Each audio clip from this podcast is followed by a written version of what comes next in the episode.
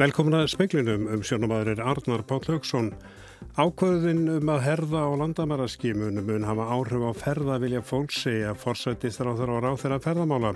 Hún sé þó nöðsynleg. Ferðamálastjóri segir að hér verði engin ferðarþjónusta ef nýja reglur um skimanir gilda áfram. Það megi búast við að hvorki verði ferðalög til landsins nýja frá því. Ákvarður ríkistjórnarinnar hefur neikvað áhrif á ferðarþjónustu segi fórstjóra Æslandir en breytir þó engu um langtíma áallanir eða hlutafjárútbóð félagsins. Áfram munum dragur COVID-19 smitum hér á landi út mánuðin sangvað nýju spálíkani sem víst þetta menn við Háskóla Íslands, ennbætti landlæknis og landsbytala byrtu í dag. Óvissan er þó enn mikil.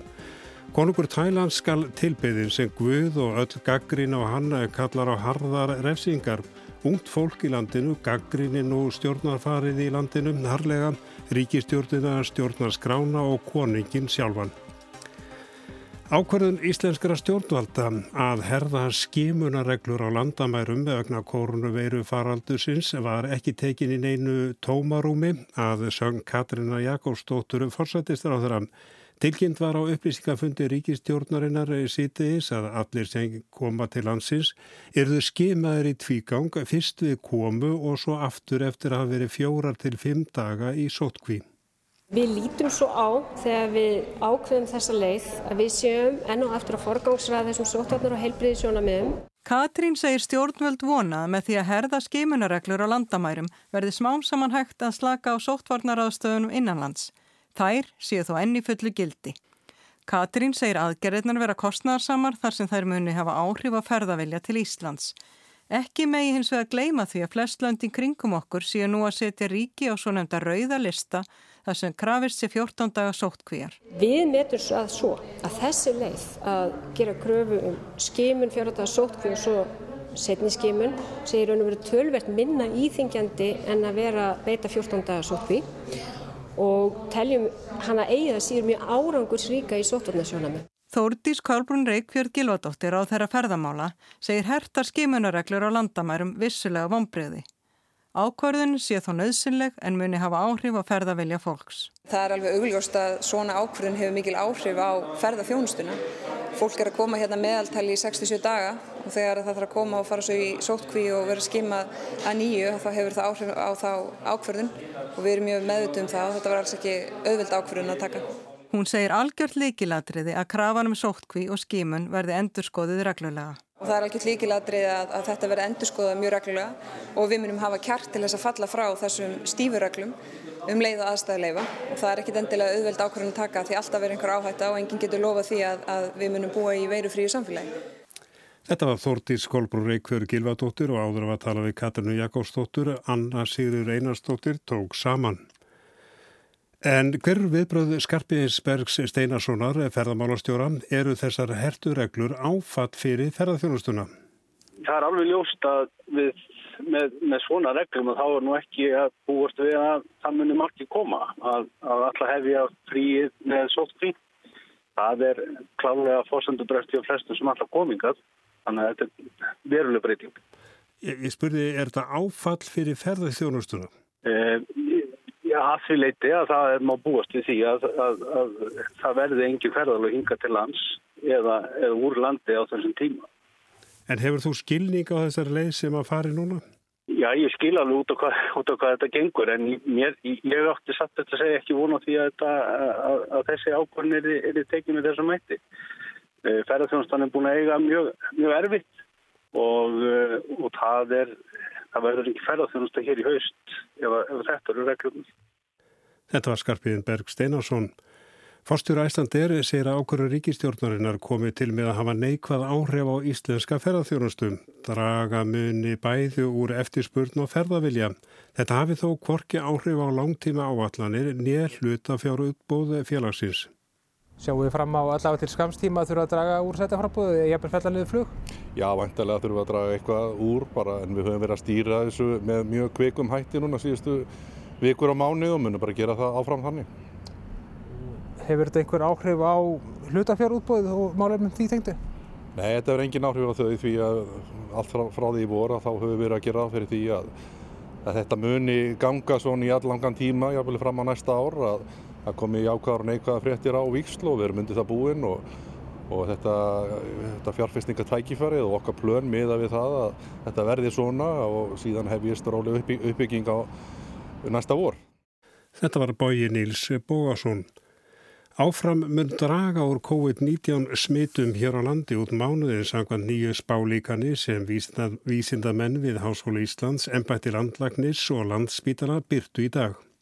Samkvæmt líkaninu, þar sem reyndir að spá fyrir um aðra bylgi faraldur sem hér á landi, má búast við að ekki greinist meira en tvö smit á dag frá og með næstu viku. Tóra Aspelund, professor í líftölufræði, segir óvissuna þó mikla.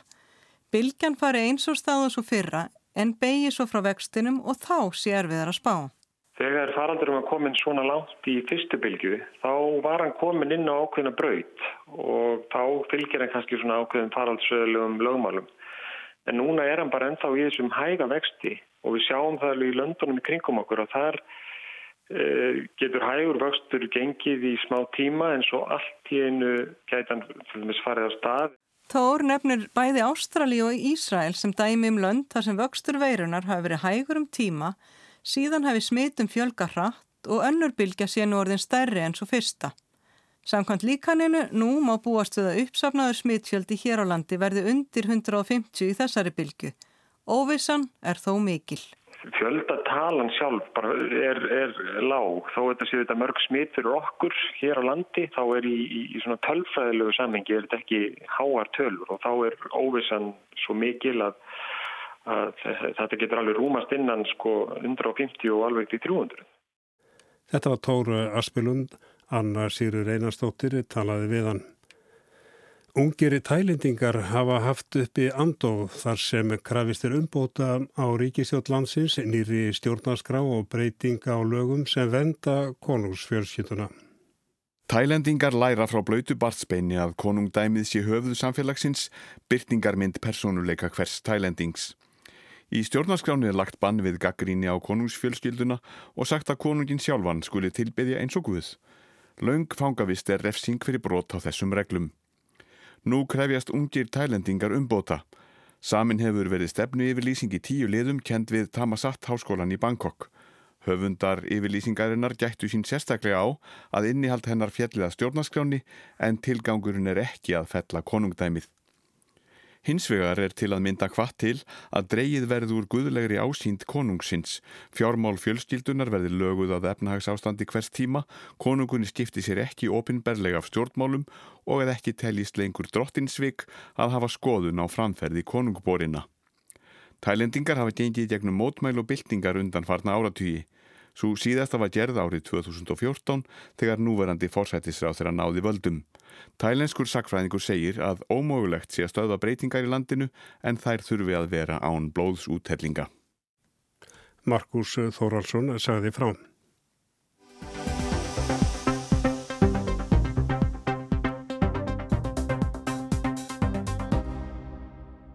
Drífa Snædal Fórseti ASI segir það risavaksi verkefni að vinna bög á atvinnuleysinu sem nú mælist á Íslandi. Almennt atvinnuleysi í síðasta mánuði var næri 8%. Vinnumálastofnum spáir tæplega 9% atvinnuleysi í þessum og næsta mánuði. Um 17.000 eru algjörlega án vinnu, um 4.000 nýta hlutabótalegina eða alls rúmlega 21.000. Drífa bindur vonu við vinnumarkars úrræði sem veða kynnt á næstunni. Hún segir þessar atunleysistölur ekki koma óvart þær séu í samræmi við spár. Jafnvel aðeins betra heldur en svarsýnstu spár gerir ráð fyrir. Þetta er eins og að reysa stort verkefni. Við erum að tala um 17.000 mann sem eru atunlaus. Uh, það beinir sjónum okkar að því að tvennu. Í fyrsta lagi sko hvernig við tryggjum það að fólk fall ekki nýjum fátækt eða er aðtunlaust uh, og hafi möguleika til að standa við sína skuldbyttingar og, og, og bara standa og eiga, eiga uh, fyrir mat og húsnæði.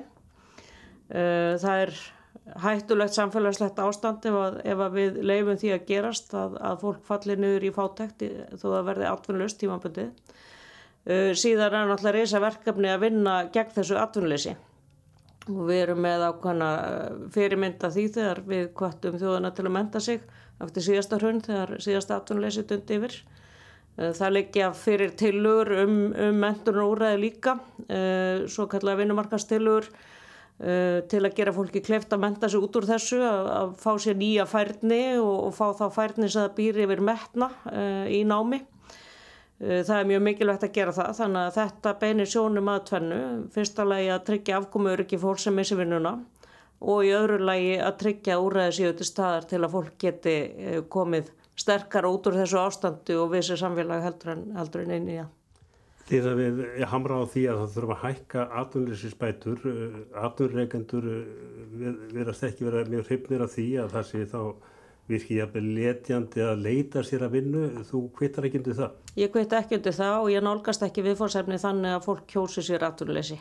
Aðtunleysi er fjárhanslegt og félagslegt áfall og við þurfum alltaf að taka með að því.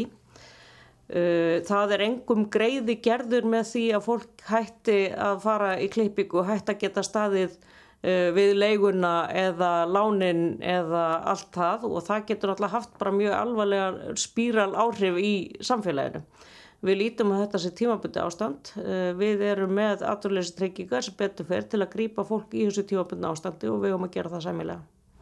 Skýslanum eh, vinnumarkars úrræði, eh, lítur hún bara þeir sem eru án atvinnu? Þessi vinna sem er í gangi í félagsmánlandinu og skýsla sem hefur skilað, hún lítur að, að hérna, þeir sem eru í aturleit. Síðan er náttúrulega verið að Um, beina sjónum sérstaklega viðkvæmum hópum og viðkvæmum svæðum eins og til dæmis Suðunes, uh, fólki af erlendum uppruna, hvernig hægt er að valdefla þaðinn á íslenska vinumarka aftur, ungt fólk og svo framvegs. Þetta eru, þetta eru hérna, bæði almennar og sértakar aðgerir. En hvaða áþurum er verið að beita þar?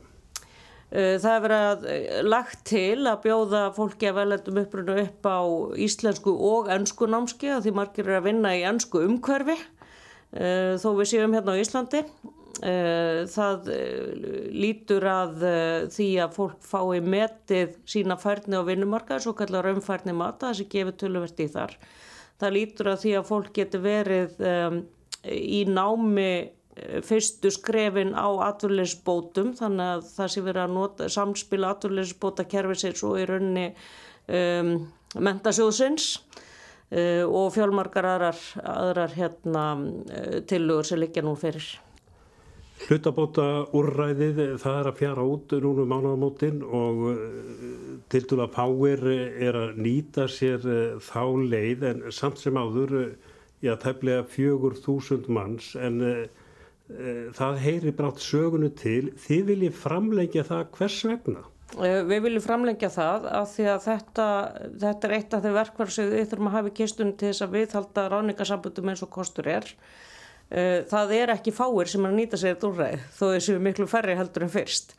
Það eru fleiri að nýta sér þetta úrræði hlutabótaleðina heldur en var uh, þegar hún var nótu síðast í kjölfar hrunsins. Það voru mellir 2-3.000 manns að nýta sér hana, nú er þetta yfir 3.000 manns. Eh, þannig að þetta er eitt af þeim úrræðin sem virkar, þetta er ekki algilt úrræðin, þetta er eitthvað sem við þurfum að hafa uh, og, og við leggjum til að þetta verði framlengt uh, út veturinn. Afturleysinstölunar þær koma þér ekki á óvart en er eitthvað annað sem að, já, kemur þér á óvart? Hér eru sem kemur heldur ekki óvart að það er fjöldin allur af útlendingum sem eru án atvinnum. Já og það er nú, við höfum haldið til haga að það er einna stóru óvissu faktorunum í hérna atunleysist tölunum. Uh, við veitum ekki hvort að útlendingar kjósi að fara til síns heima, við veitum að við höfum ekki atunlífi hérna á útlendingum. Um, það eru hins vegar ákvæmna við íspendingar í þessari nýju skýslu frá vinnumálastofnun, það sem eru fjöldi útgefina svo kallað U2 leifi Eh, sem gefur fólki færi að vera á atvölusbótum á Íslandi í þrjá mánu en leita sér að vinnu annars þar á Evraska efnaðarsvæðinu. Eh, það gefur ákveðna vísbendingu um að það sé svona einhver reyfing á, á fólki í leita atvinnu, hvort sem fólk er, fólk er að fara til síns heima eða hvað. Eh, þannig að þetta verður eitt af því sem verður hérna sem mun komi ljósa næstu mánu um hvað verður af en, en þannig er ákveðna vísbendingur um það. Ágúst eh, er senn á enda og það kemur fram í september eh, þegar við talaðum um fórsöndu kjærasamninga Eh, en svo hafa aðrir aðurrengundu bent á að forsendur í þjóðfélaginu séu gjör breytar og það sé kannski ásæðalust að vera að tala um einhver ákvæði í kjærasamningi en eru þið enna einblýna á að þessi forsendu ákvæði í lífskjærasamningum að þau verða standa? Að sjálfsögðu, það voru undirreitaði samningar og samningar eiga að standa. Það er hins vegar þannig að við munum taka félagslega umræðu um það hérna innandira hjá okkur hvaða leið við um að fara Fórsöndu nefnd ASI og SA með farið um málinn. Uh, Niðurstaðana henni getur í raunni verið á eitt veg að, að flesta fórsöndur hafa staðist en það eru einhverja fórsöndur sem út að standa og það er þá yfirlýsing stjórnvalda uh, sem að, sem að hérna, strandar á. Uh, þá eru við skuldbundu til að setjast niður og reyna að finna lausnir á því áður en kjærasamningum er sagt upp og það er skrifað inn í kjærasamningana. Þannig að það verkefni er verkefni september mánadar. En skiptir það ekki ykkur máli ástandið í samfélaginu að forsendur uh, hafa gjör breyst miða við það sem menn heldu þeirri skrifið undir samning? Það, hefur, það skiptir allt máli í þessu sammingi. Það er náttúrulega stóra myndin er undir að sjálfsögðu. En eins og ég segi, við um eftir að vega þetta og meta félagslega hérna innandira uh, og, og komast að sameigilegri niðurstu. En svona uh, bara haustið er að koma svona hvernig metur við þá almennt eh, stöðuna og horfurnar núna þegar já, er að fara að hausta og kórnuveiran er ekki horfin? Ég ber kvíðbúa fyrir veturinnum eins og ég held að flestir aðrir geri. Eh, við erum að sjá aðdölustölu sem við hefum ekki síðan hér í langa tíma, mjög aukvænlegar. Um, við hefum svo að búum að ágættri reynslu, uh, nýfenginni reynslu af atvinnuleysi Það fyrir illa með Íslandika að vera aturlösa. Það samræmist mjög illa okkar sjálfsmynd. Þannig að við þurfum að, að reyna að gera þetta sæmilega að, að bæði stiði við þá sem eru aturlösir og eins að hérna gefa mjög verilegu öll virkni úræði fyrir aturleitendur. Um, ég hins vegar er svona í, í bjartsýni minni að þá vona ég að þetta verði þessi vettur en, en við fyrum að Um, sjá til sólar strax næstu vor við vitum það að, að hérna ferða þjónasta getur tekið við sér rætt og öruglega þegar betur árar uh, en svo eru aðrir þætti sem er erfið að, erfiðar að spá fyrir um og það er náttúrulega bara heims, heim, heimurinn og heimskreppan sem er náttúrulega dinja yfir allstaðar uh, hvaða áhrif það hefur hjá okkur veitum við ekki en, en hérna við þurfum að halda vel úr spöðunum. Þetta var Drífa Snædal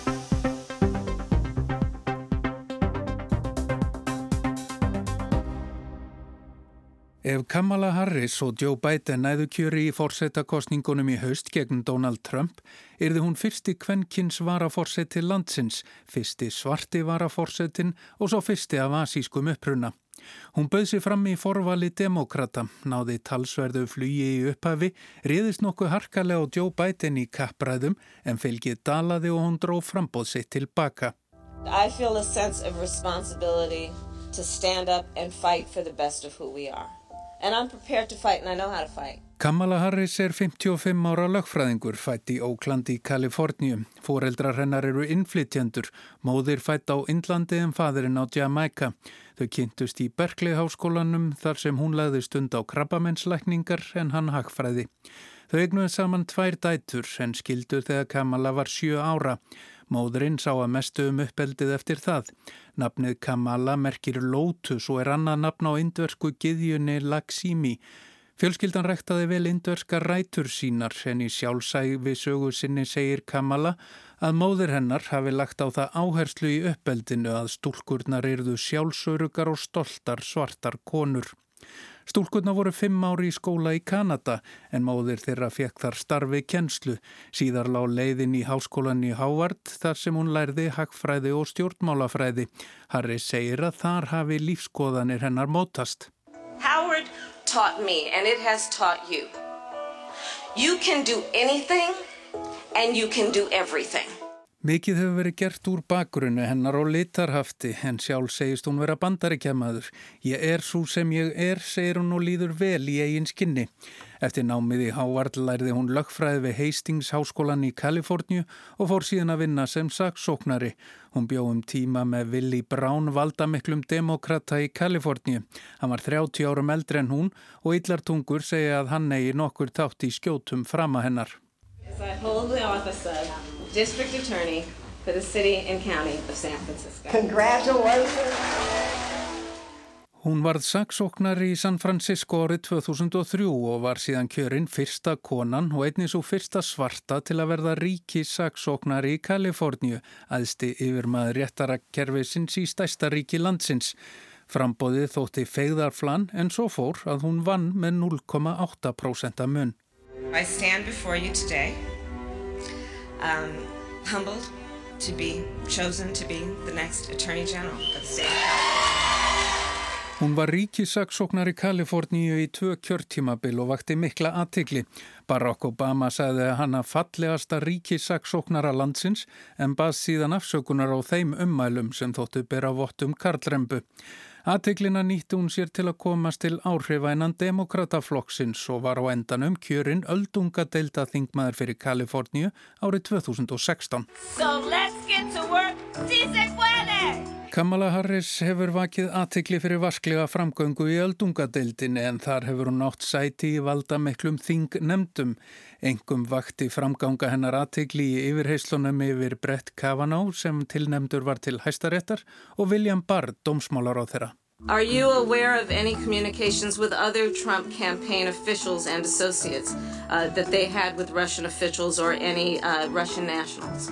I don't call that? She's intense to be questioned by. Is there a person you're talking about? I'm asking you a very direct question, yes or no. Fræðarsól Kamala Harris hefur risið hratt á undanförnum árum og fljótlega var farið að máta hana við kvítahúsið.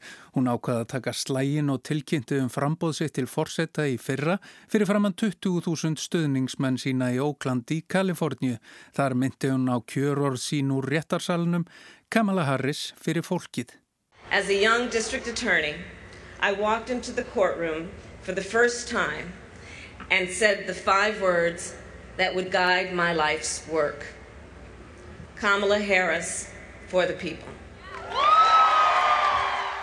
Kamala Harris fekk mikinn meðbyr í upphafi forvalsins og var um tíma talinn meðal sterkustu frambjöðanda. Fljótlega fór þó að halla undan fæti og skilabóð hennar þóttu ekki skýr, meðal annars í heilbriðismálun sem voru mjög til umræðu. Hún þykir mikill ræðuskurungur og ferir hennar sem saksóknari, hörundslitur og bakgrunnur áttu að vera mikið tromp fyrir hanna, en allt kom fyrir ekki. There is not a black man I know, be he a relative, a friend or a co-worker, who has not been the subject of some form of profiling or discrimination. Það vakti mikla aðtikli þegar hún réðist nokkuð harkalega og á persónurlegum nótum gegn Joe Biden, ekki síst í ljósi þess að hún og látin sonur Bidens hafðu verið miklir mátar. You know, there was a little girl in California who was part of the second class to integrate her public schools. And she was bused to school every day. Frettaskýrendur segja að í forvalinu hafi Kamala Harris reynt að segla lignan sjó mitt á milli hinnar rótæku og þeirra sem teljast hófsamari. Það hafi orðið að hálgerðri móðsuðu sem hvorur armur flokksins hafði áhuga á.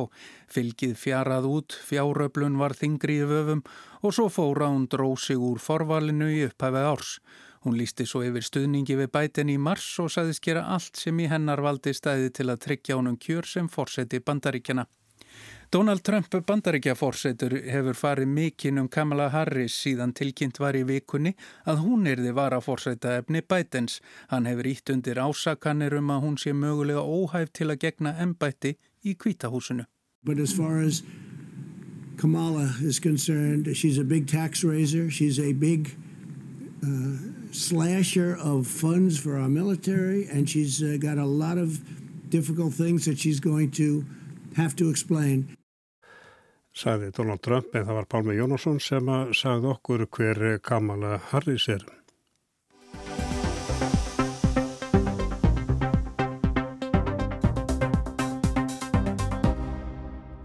Í Oslo, höfuborg Noregs, er stemt að því að hefja skólastarf með hefbundum hætti eftir helgina þrátt fyrir að borgin sé orðinu raukt smittsvæði. Kórnaveiran hefur breyst ört út síðustu daga og er smittbylgjana rakin til utanlandsferða fólks í sumar og drikkjuskapar skólanemi í almenningskvörðum borgarinnar. Borgin er rauð. Það er ekki afleiðin kostninga þótt síðast hafi svo farið að rauðir flokkar eða flokkar til vinstri í stjórnmálunum hafi sigrað. Borgarstjórnin er rauð. Núna er hins vegar svo komið að sangkvæmt mælingum er Óslóar borg orðin rauð vegna þess að einstaklingar með kórnasmitt er orðin fleiri en 20 á hverju 100.000 íbúa og við prófanir hafa fleiri en 5% prófaðra reynst bera með sér smitt. Þetta eru það reglur sem gilda um hvort komur og brottfari fólks leiði það beint í sótkvím. Ræmond Jóhansen, hinn rauði fórsætti borgaráðs, vill ekki útiloka að höfuborg Noregs verði lokað, rétt eins og gert var í Helsingi við upphaf faraldus í vetur. En það er enn ekki ákveð að loka, heldur að berjast með öllum tiltækum ráðum og heimila ferðir yfir borgarmörkin og halda uppi lágmarstjónustu innan borgar. Fyrir fjölmarka er þetta spurning um hvort skólarnir verða opnaðir eða ekki og það er ákveðið að hefja skólastarf á öllum stigum nú í ágúst. Þetta hefur ekki gengið þrautalöst fyrir sig og Ræmond Jóhansen hefur sendt unglingum borgarinnar og aðgómu fólki hardorð skilaboð. Det er jo faktisk sånn at det ikke er lov å sitte og drikke alkohol i parkene, og politiet vil eh, da være behjelpelig med å påpeke at det ikke er lov, at man kan eh, bli bøtelagt for det. Þarna minnir fórseti borgarás á að neysla áfengis í almenningsskörðum borgarinnar er óheimil og að lögregla ætti að hjálpa til við að minna fólk á lögin og að brot varði sektum. Þannig komið að mjög viðkvæmu atrið í menningu eða ómenningu sem þróast hefur síðustu ár. Svo er allt sumarið og sérstaklega á haustin í höfuborginni þegar ungstúdentar hópast til náms að drikkjuskapur og næturgöldur viðgengst á almannafæri. Þetta er áberandi í görðum borgarinnar. Þetta er brot á lögum en lítið hefur verið gert til að framfyrkja lögunum nánast alla þessa öld. Áður var ægi á fólkinu nema alkunnum rónum. Þetta er talin helsta ástæða þess að borgin er orðin rauð. Fyllir í samkomur ungs fólks leiða af sér fjöldasmít. Reglur um að mest 20 megi koma saman og að metir sé á milli manna eru engu hafðar og ítrekað hefur komið upp smitt eftir slíka samkomur. Vest er ástandið í ríkustu hverfonum. Fyrstu nótt eftir löggunum var sigað að ungmennin var skemmtanahaldið í almenningsgörðunum það sama og áður. Ungmennin letu sér ekki segjast og lögreglan stöðvaði ítrekað gleðskapin og mætti einni ef samkomur heldu áfram með háfaða í heimahúsum. En liðna nótt virðist sem slákkað hafi í mannskapnum, líka vegna þess að skólastarfið í vetur getur oltið á því að hægt verða að hafa heimil á veirunni og það gerist bara ef reglum er fyllt og smittgátt við höfð. Af Ísu benda ungmennin á að smittbylgjuna nú síðsumars með rekja til þessa yfirvöld opnuðu fyrir utanlandsferðir fólks í sumar og þaðan er smittið komið en þá opna skólana samkvæmt hefð ólíkt því sem var í vor. Þá var skólanum lokað og þeir ekki opnaðir nema með miklum takmörkunum þegar leiða vorprófum. Nún á að treysta á miklu fleiri smittpróf en verið hefur, viðtækar smittrakningar og sóttkví eða einangrun skólanema eða annara borgara ef við á. Ætlunin er að prófa jafnvel 5% borgarbú á viku eða um 35.000 manns og banni við drikkjuskap og almannafæri verður fyllt. Og það var Gísli Kristjánsson í Oslo sem að saði frá og speiklunum líkur senn en við sögum frá því í speiklunum að ákvörðunum að herða á landamara skimun mun, mun hafa áhrif á ferðavilja fólks, segja fórsættist að þú eru á ráð þeirra ferðamála. Hún sé þó nöysinleg Og ferðamálastjóri segir að hér verði engin ferðarþjónusta ef nýja reglur um skimanir gilda áfram það með búast við að korki verði ferðalög til landsins nýja frá því. Og ákverðun ríkistjórnarinnar hefur neikvað áhrif á ferðarþjónustuna, þetta segir fórstjóra Æslandir, en hann segir að það, hún breyti þó engum langtíma áallanir eða hlutafjár útbóð. Áframurinn dragur COVID-19 smitum hér á landi út mánuðin sakvað nýju spálíkani sem vísindamenn við Háskóli Íslands en bætti landlæknis og landsbytala byrtu í dag. Og lítum aðeins til veður eða næsta sólarhingin minkandi vindur í kvöld og þyknar upp sunnalands, sunnan 5-10 á morgun með vætu af á til en þurft að galla norð-austan og austanlands hiti 10-16 stig en alltaf 22 stig austan til á landinum. En speiklunni er lokið í tæknumari kvöld var Rakkell Sigursson verið sæl og góða helgi.